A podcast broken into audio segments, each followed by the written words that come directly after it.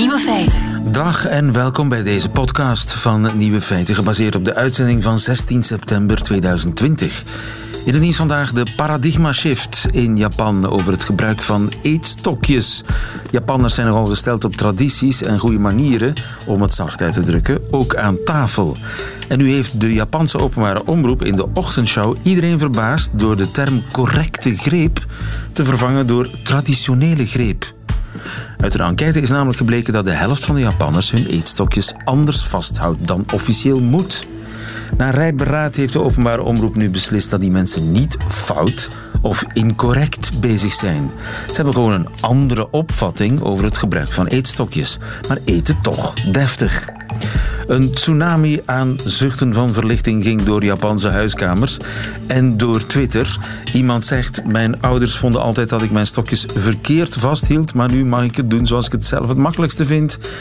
Eindelijk. Enfin, nu nog mes en vork. De andere nieuwe feiten. Een steenkoolmijn in Polen is plotseling een hit op de beurs. Er is iemand begraven in een levende doodskist. Ursula von der Leyen gaf een ferme eerste State of the Union. En Leila en Sabine spelen de woensdagquiz van Nieuwe Feiten. De Nieuwe Feiten van Johan Terrein hoort u in zijn middagjournaal. Veel plezier. Feiten.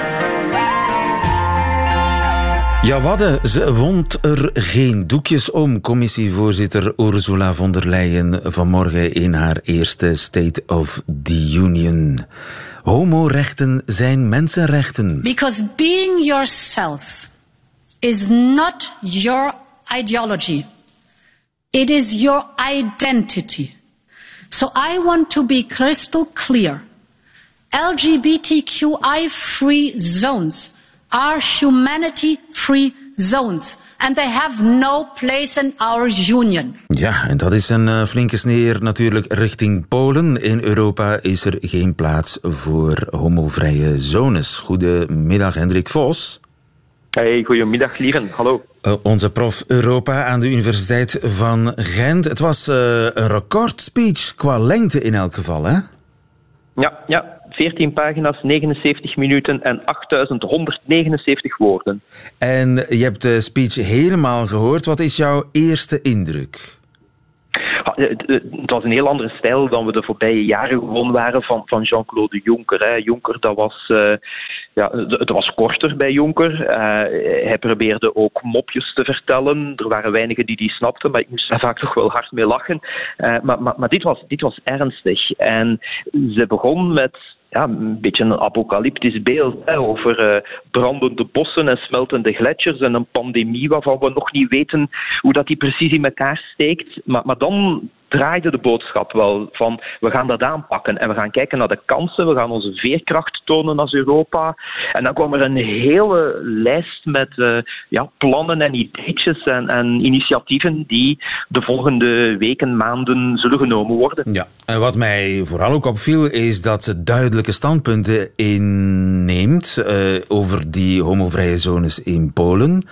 Uh, homorechten zijn mensenrechten. Het is een identiteit, het is geen ideologie. Dat is niet niks. En ook Aalst Carnaval kreeg een flinke veeg uit de pan. Where is the essence of humanity? When anti-Semitic carnival costumes openly parade on our streets. Ja, dat was uh, niet mis te verstaan, hè? Dat ging gewoon ja, over Aalst. Nee, nee. Ja, ja, ja. En, en, en de boodschap was van, doe dat niet meer. Hè. Uh, het, het, het paste eigenlijk in een blokje nogal op het einde van de speech, waarin ze zei van, kijk, we gaan allerlei maatregelen moeten nemen, we gaan ons moeten verenigen, maar dat betekent ook dat we echt ook achter een aantal zelfde waarden moeten staan. Ja. En, en dat we mensenrechten en, en in, in de hele brede zin, dat we daar geen compromissen rond maken en dat we ook niet gaan provoceren. We, we gaan allemaal uh, verdraagzaam zijn en, en we, gaan, uh, we gaan niet de randjes opzoeken van wat kan of niet kan, um, haatmisdrijven en alles wat er zelfs maar naar ruikt. Dat, dat, dat, dat, dat kan niet, dat was een duidelijk standpunt. En het was ook ja, een manier om Aalst in het vizier te nemen en de verantwoordelijke politici. De burgemeester, misschien de verantwoordelijke minister. Kunnen, die zich, kunnen, zij zich, kunnen zij dat naast zich neerleggen? Daar hangen niet meteen uh, zware gevolgen aan vast, aan zo'n speech. Maar het is wel het signaal dat de commissie geeft van kijk, wij gaan van elke vorm van discriminatie of van het achterstellen van groepen, um, daar moeten we waakzaam over zijn. En we gaan in loop van de volgende periode een, een antiracismecoördinator ook aanstellen. En we gaan uh, ja, een structuur opzetten om dit soort dingen heel snel op de radar te krijgen en, en heel snel te signaleren. daarmee ga je niet onmiddellijk gestraft worden of iets dergelijks, maar ja, je voelt je toch wat in de hoek gezet en, en, en je voelt van hmm, misschien heb ik hier iets gedaan dat, uh, dat, dat, we in de toekomst toch beter niet meer gaan proberen. Ik, ik denk dat dat een beetje de boodschap was. Nu, bij haar aantreden was zij een nobele onbekende. Ze staat bekend als een, als een harde werkster die zo goed als woont op haar kantoor. Uh, is dit nu de, ja, de coming out van uh, Ursula von der Leyen als een soort sterke commissievoorzitter? Oh, het, was een, het, was, het, was een hele lijst van, die, die, die wel plukte van veel ambitie ook. Hè, op vlak van klimaat, op vlak van gezondheid, op vlak van digitale innovatie enzovoort enzovoort. Het, was, het een, ja, een, een optelsom van initiatieven die ze wil nemen. Maar ja, of die ambitie dan ook wordt waargemaakt, dat, dat ligt niet alleen aan, aan haar. Hè. De, de, Europese Commissie zal voorstellen lanceren, maar voordat die uiteindelijk ook in Europese wetten worden gegoten, moeten die worden goedgekeurd door minstens een grote meerderheid onder de lidstaten, door het Europese parlement. Ik denk dat ze vandaag proberen de bondgenoten te zoeken in dat Europese parlement. Maar er zitten heel wat controversiële dingen in, bijvoorbeeld op vlak van migratie, die misschien door uh, ja, een aantal lidstaten ook zullen geblokkeerd worden. Dus ze doet wat ze kan. Hè. Ze, ze, ze, zet alles op de agenda wat er ook maar enigszins op de agenda te zetten valt. Ze doet dat met veel ambitie. Maar wat er dan uiteindelijk van wordt, dat ligt niet helemaal in haar handen. Ja, grote woorden, maar komen er ook daden? Dat zal uh, af te wachten zijn. Natuurlijk uh, heeft zij haar positie vandaag verstevigd. Ze heeft in elk geval wel een duidelijk signaal gegeven van kijk, we gaan, uh, we gaan niet bij de pakken blijven zitten. Het zijn moeilijke tijden, uh, maar, maar we gaan uh, ja, vooral kijken naar de kansen die ze bieden. Hè. Want je, je zou ook kunnen zeggen van kijk, met die corona-toestand gaan we de Europese economie nu moeten heropbouwen en het, het is dat en alleen maar dat. Maar, maar zij zegt van kijk, we, we hebben ook klimaatdoelstellingen, dus we gaan die heropbouw van die Europese economie koppelen aan die klimaatdoelstellingen. En, en, we gaan ervoor zorgen dat al het geld dat naar de lidstaten zal gaan om hun economie herop te bouwen, dat ze dan moeten investeren in ja, klimaatvriendelijke projecten. En, en op die manier probeert ze wel ja, toch een, uh, ja, een, een, een ambitieus pad te, te zetten. Een ambitieuze Ursula von der Leyen vanmorgen in haar allereerste State of the Union, start van het parlementaire jaar in Europa. Ze stond met haar speech in Brussel en niet in Straatsburg, het Europees Parlement in Brussel. Dankjewel, Hendrik Vos. Goedemiddag. Graag gedaan. Lieven van den Houten. Overigens is er een groot mysterie gaande op de beurs. Uh, vorige week schoot een steenkoolbedrijf uit Polen. Steenkool is niet bepaald een branche met toekomst. Plotseling met 34% de hoogte in. Erik Jolie, goedemiddag. Goedemiddag. U bent de hoofdeconoom van ABN AMRO. Een Pools steenkoolbedrijf noteerde vorige week plots 34% hoger na een rush op de aandelen door de Robin Hood-beleggers. Wat zijn Robin Hood-beleggers? Robin Hood beleggers zijn particuliere beleggers die dus aandelen kopen of verkopen, meestal langs een app. Men heeft ook een toepassing via de laptop of de pc, maar de app is het meest populair. Het zijn dikwijls heel jonge mensen, millennials, die eigenlijk de beurs hebben leren kennen, ontdekken tijdens de lockdown. Dat heeft hun interesse gewekt voor de beurs en zijn beginnen beleggen langs die app om. Dus er is een app en die zorgt ervoor dat eigenlijk ja, Jan met de pet kan beleggen. Ja, dat, uh, dat Vooral de jonge Jan met de pet dan. Ja, dat hoeft niet noodzakelijkerwijs een jonge Jan met de pet zijn. Dat kan ook de iets uh, minder jonge Jan zijn. Maar het, het leuke aan deze app is dat het gratis is. Dus normaliter als je een aandeelorder doorgeeft om te kopen of te verkopen, dan moet je aan de online broker, aan de bank, een commissie betalen. Dat kan de vorm aannemen van een vast bedrag. Ik roep maar wat, 5 euro, 10 euro of een percentage. Dus koken kost geld. Alleen Robinhood-beleggers, die koken gratis. Hoe kan dat? Er is toch niet zoiets als een gratis lunch? Dat klopt. Uh, Robinhood is uiteraard een commercieel bedrijf uh, met ultiem als doelstelling het maken van winst. En ze hebben natuurlijk een aantal ja, inkomstenbronnen aangeboord. Bijvoorbeeld, wat doen ze? Als een belegger, als een Robinhood-belegger een order doorgeeft, dan gaat de afwikkeling van dat order niet gebeuren door Robinhood. Robinhood gaat beroep doen op financiële tussenpersonen met een moeilijker woord, marketmakers. En die marketmakers die gaan voor elk order een heel klein bedragje, bijvoorbeeld 1 dollarcent doorstorten aan Robinhood. Nu, 1 dollarcent is niks, maar als je miljoenen en miljoenen transacties doorvoert, ja, uh, kleine beekjes vormen grote stromen. En in 2018, om een idee te geven, alleen was dat een inkomstenbron van 70 miljoen dollar voor Robinhood. Dat is één.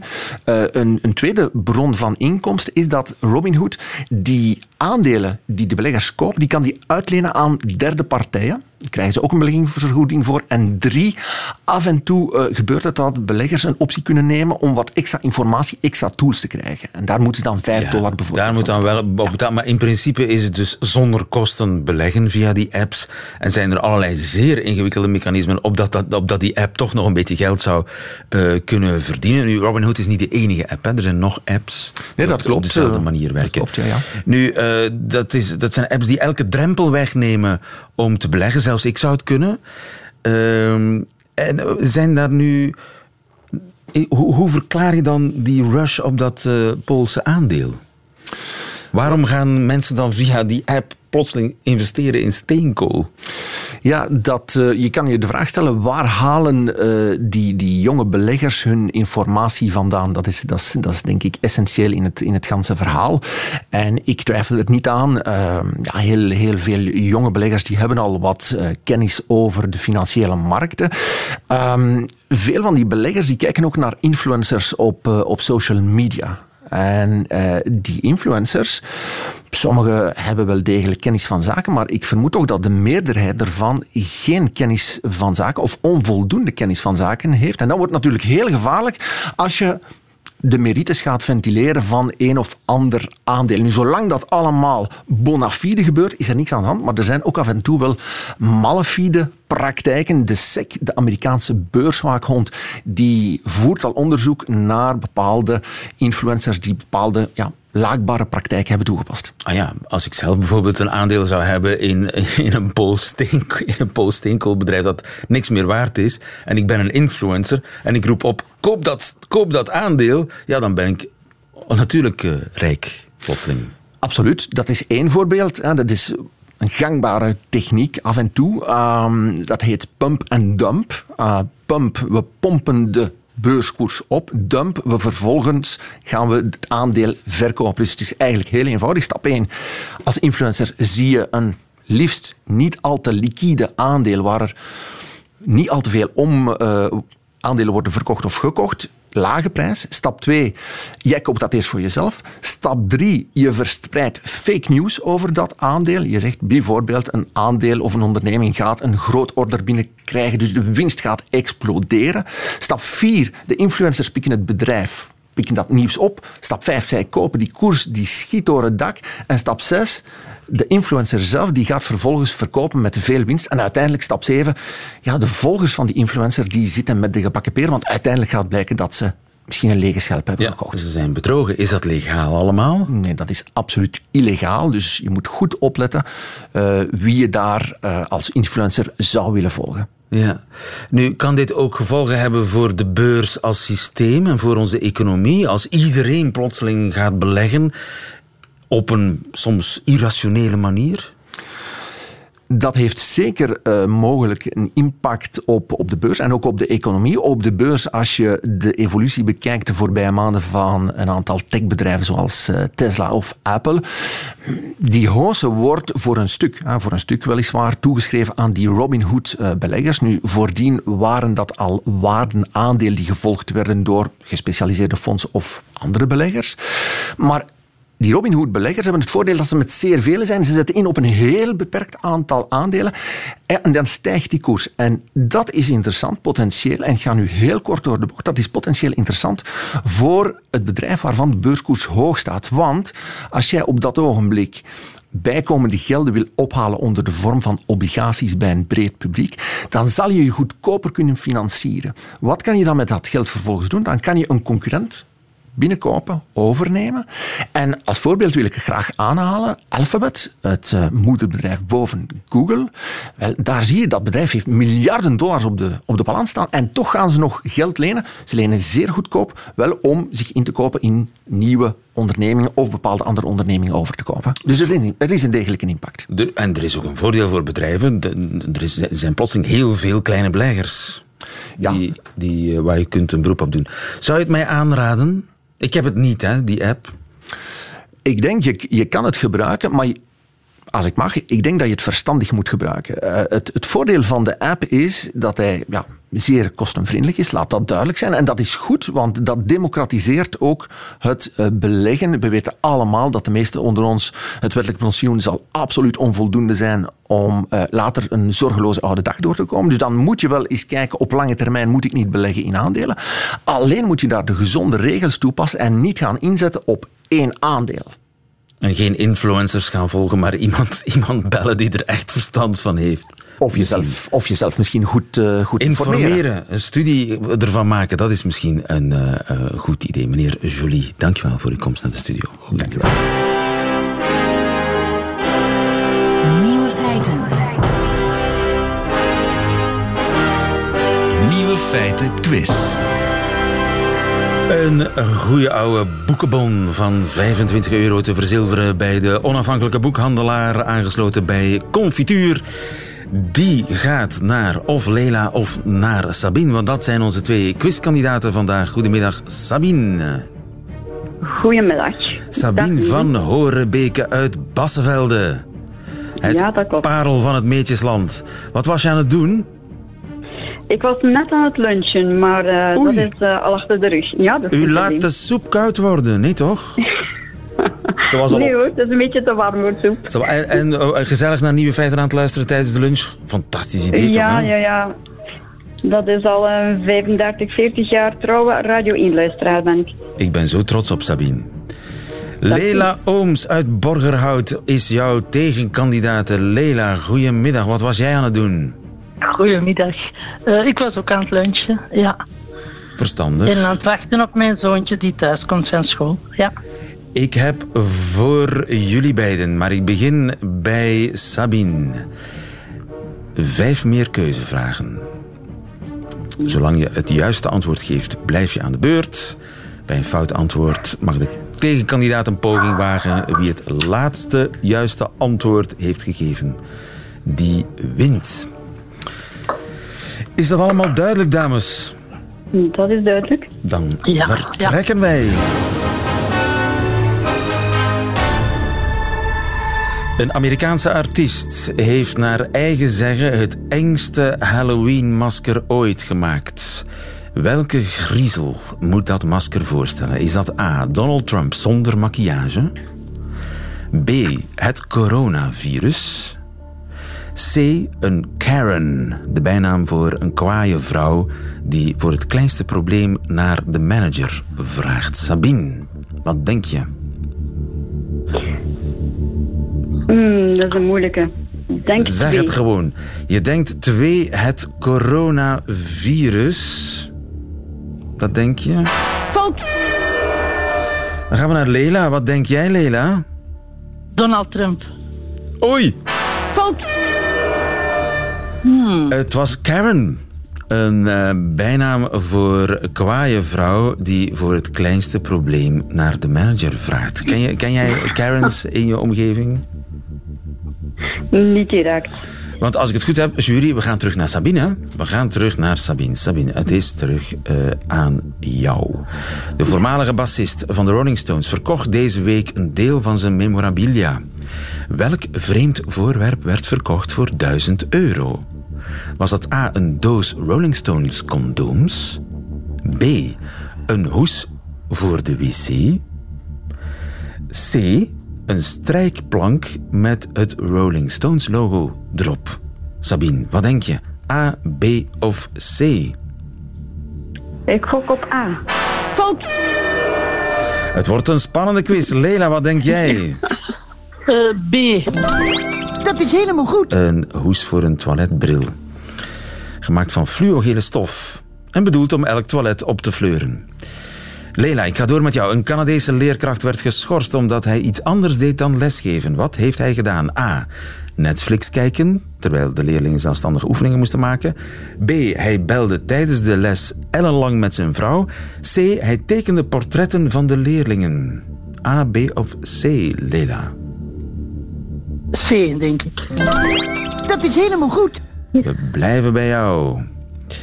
Ook in het uh, Verenigd Koninkrijk zijn mondmaskers op het openbaar vervoer verplicht. Maar in Manchester bedekte een man zijn mond met iets helemaal anders. Waarmee? A. Een levende slang die hij rond zijn nek had gewinkeld. Ook een mondmasker. B. Een lederen SM-masker. C. Hij bond zijn lange haar voor zijn gezicht samen, zodat het mond en neus bedekte. A, B of C, Leda? Zijn lange haar, C. Zijn lange haar. Fout! Ah. We gaan terug naar Sabine. Ik veronderstel B. Fout! Een geldige mondmasker is het niet, uh, maar de kans bestaat dat de man door gezondheidsklachten een uitzondering op de mondmaskerplicht kreeg. Dat is nog niet uh, helemaal duidelijk. Dat betekent dat we teruggaan naar Lela. Lela, een huis in Florida geraakt maar niet verkocht door de bijzondere muurbedekking. Wat heeft de vorige eigenaar met het huis gedaan? A. Hij had zijn huis volledig in Miami Vice geschilderd. B. Hij bedekte alle muren met lege bierblikjes. C. Hij bedekte alle muren met oude Nokia GSM's. A, B of C, Leila? Bierblikjes B. Hij bedekte het met bierblikjes. Dat is helemaal goed. En dat betekent dat wij een winnaar hebben.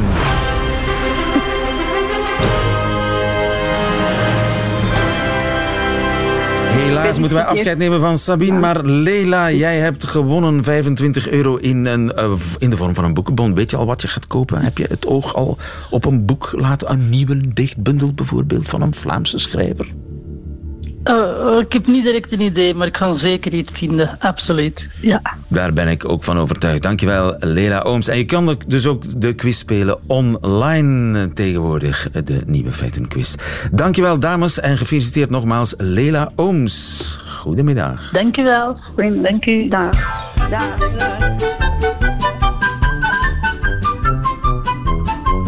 Nieuwe feiten. Een beetje in begrafenisstemming en ik zal u uitleggen hoe dat komt. Omdat we het zullen hebben in Nieuwe Feiten zo dadelijk, nu meer bepaald, over een doodskist die leeft. Een doodskist die leeft, dat bestaat tegenwoordig. Vorige zaterdag is er iemand in begraven in Den Haag. Bob Hendricks weet daar alles over. Goedemiddag, Bob. Goedemiddag, hoi. Jij bent biodesigner. Betekent dat ook dat je die doodskist, die leeft, die levende kist, dat, dat je die ontworpen hebt, gemaakt hebt? Ja, die hebben we ontworpen en eigenlijk uh, gegroeid in zeven dagen. Gegroeid, je bedoelt gekweekt? Gekweekt, inderdaad. Die hebben we heel goed verzorgd en nu uh, is hij lekker aan het verder leven onder de grond. Het is een soort plant. Ja, het is, het is, een, uh, het is mycelium, het is het wortelnetwerk van paddenstoelen. En dat is eigenlijk een, dat is de grootste recycler in de natuur. Dus die is continu bezig met ja, dode dingen omzetten tot nieuwe voeding voor nieuw leven. En dus dat, dat is het ondergrondse netwerk waar paddenstoelen op leven. En ja. uh, zit dat kant en klaar in de grond als het, als het ja, gekweekt is? Of ga je daar dan mee, mee weven op de een of andere manier met die draden? Ja, ja, ja.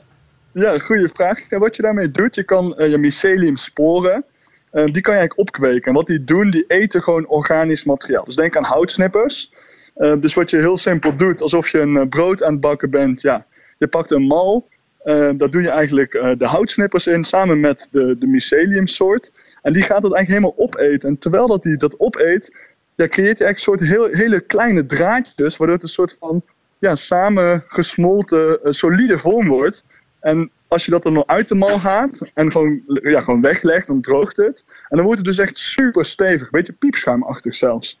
Oké, okay, dus uh, het ziet er echt uit als een klassieke kist. Het heeft de vorm van een bak. Ja, ja, ja. Dus dan groeien wij gewoon in mallen in zeven dagen.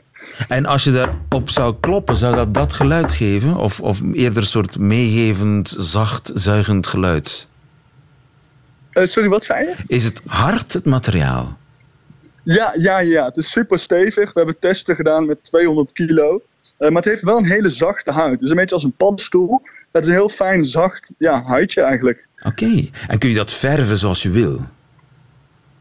Ja, maar dat gaat natuurlijk een beetje in tegen het uh, natuurlijke principe. Maar in Ach, theorie, ja, als je dat zou willen, kan, het kan wel. Het, het zou kunnen, maar het zou een beetje absurd zijn. Want je, je wil zo'n kist natuurlijk omdat ze milieuvriendelijk is. Waarom is ze zo milieuvriendelijk? Precies. Ja, wat, wat, wat heel gaaf is aan deze, dit levende product, is dat het niet meer de bodem vervuilt, maar juist verrijkt. Dus normaliter, als ik nu met jou aan de telefoon hier dood zou vallen, vervuil ik de grond. Omdat er gewoon 219 chemicaliën in mijn lichaam zitten. En uh, wat er in de begraafplaats in de grond zit, dat is ook niet helemaal, uh, ja, hoe zullen we dat noemen, pluis.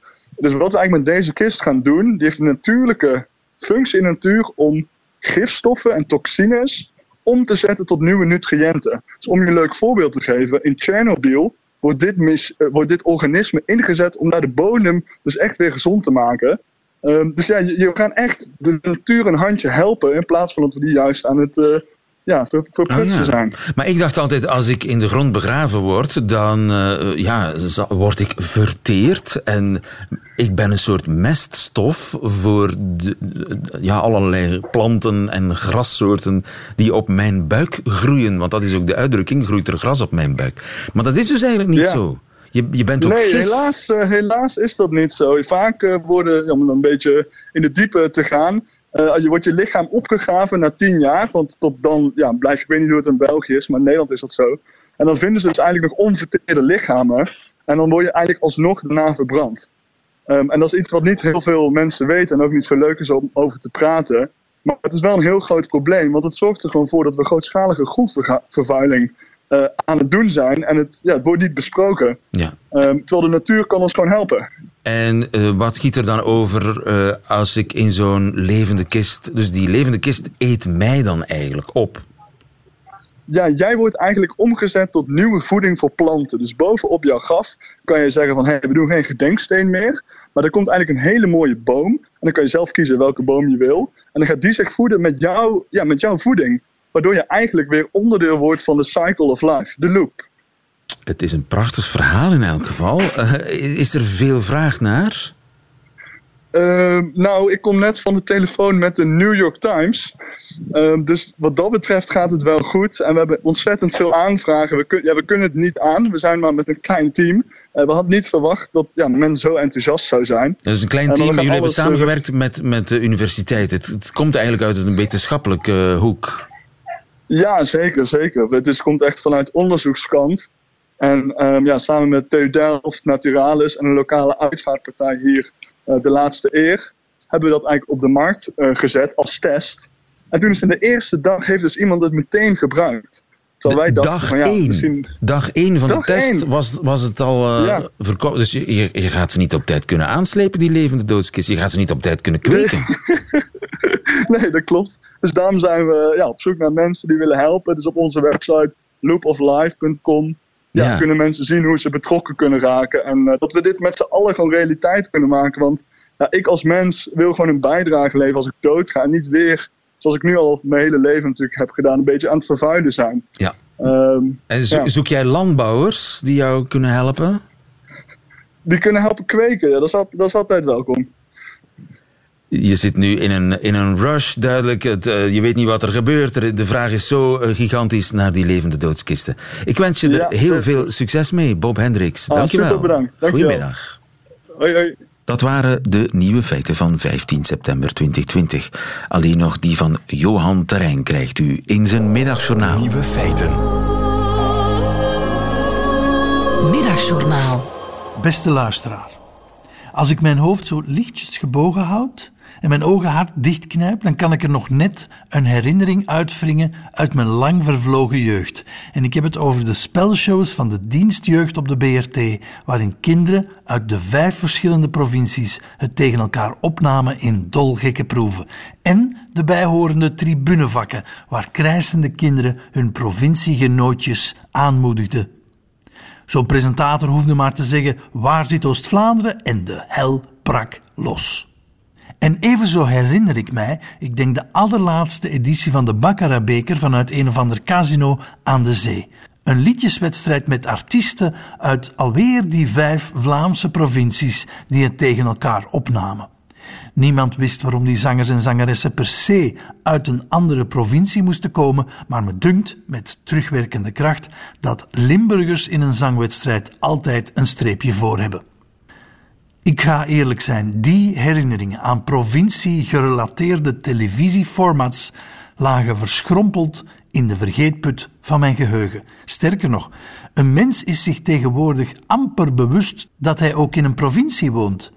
Enkel bij het bereiden van onze autostrades proberen welkomstborden ons daar om de schakelbak aan te herinneren. Maar niet zo deze zomer. Na twijfelende veiligheidsraden en pruttelende powerpoints was er plots de return of de in slaap gewaande provinciegouverneurs. Met name in Antwerpen en West-Vlaanderen en in naam van de veiligheid keerden ze terug uit hun welverdiende vakanties en namen ze het plots op voor de veiligheid van al die kinderen uit vervlogen spelshows van de dienstjeugd met als nieuwe onderdelen in het dolgekke hindernissenparcours een avondklok in Kempense dorpen en een verbod op extra treinverkeer richting kust. Want, om de licht geëxciteerde West-Vlaamse gouverneur te citeren, iemand moet op het juiste moment de juiste beslissing nemen. De juiste beslissing, een concept dat al die andere overheden even was ontgaan wat een geluk dat we in dit land, dat de grootte heeft van een provincie in eender welk ander land, nog voldoende niveaus in stand hebben gehouden om wakker te schieten als de andere overheden vergeten de juiste beslissing te nemen. Ik voel een nieuw tv-format in de koker zitten.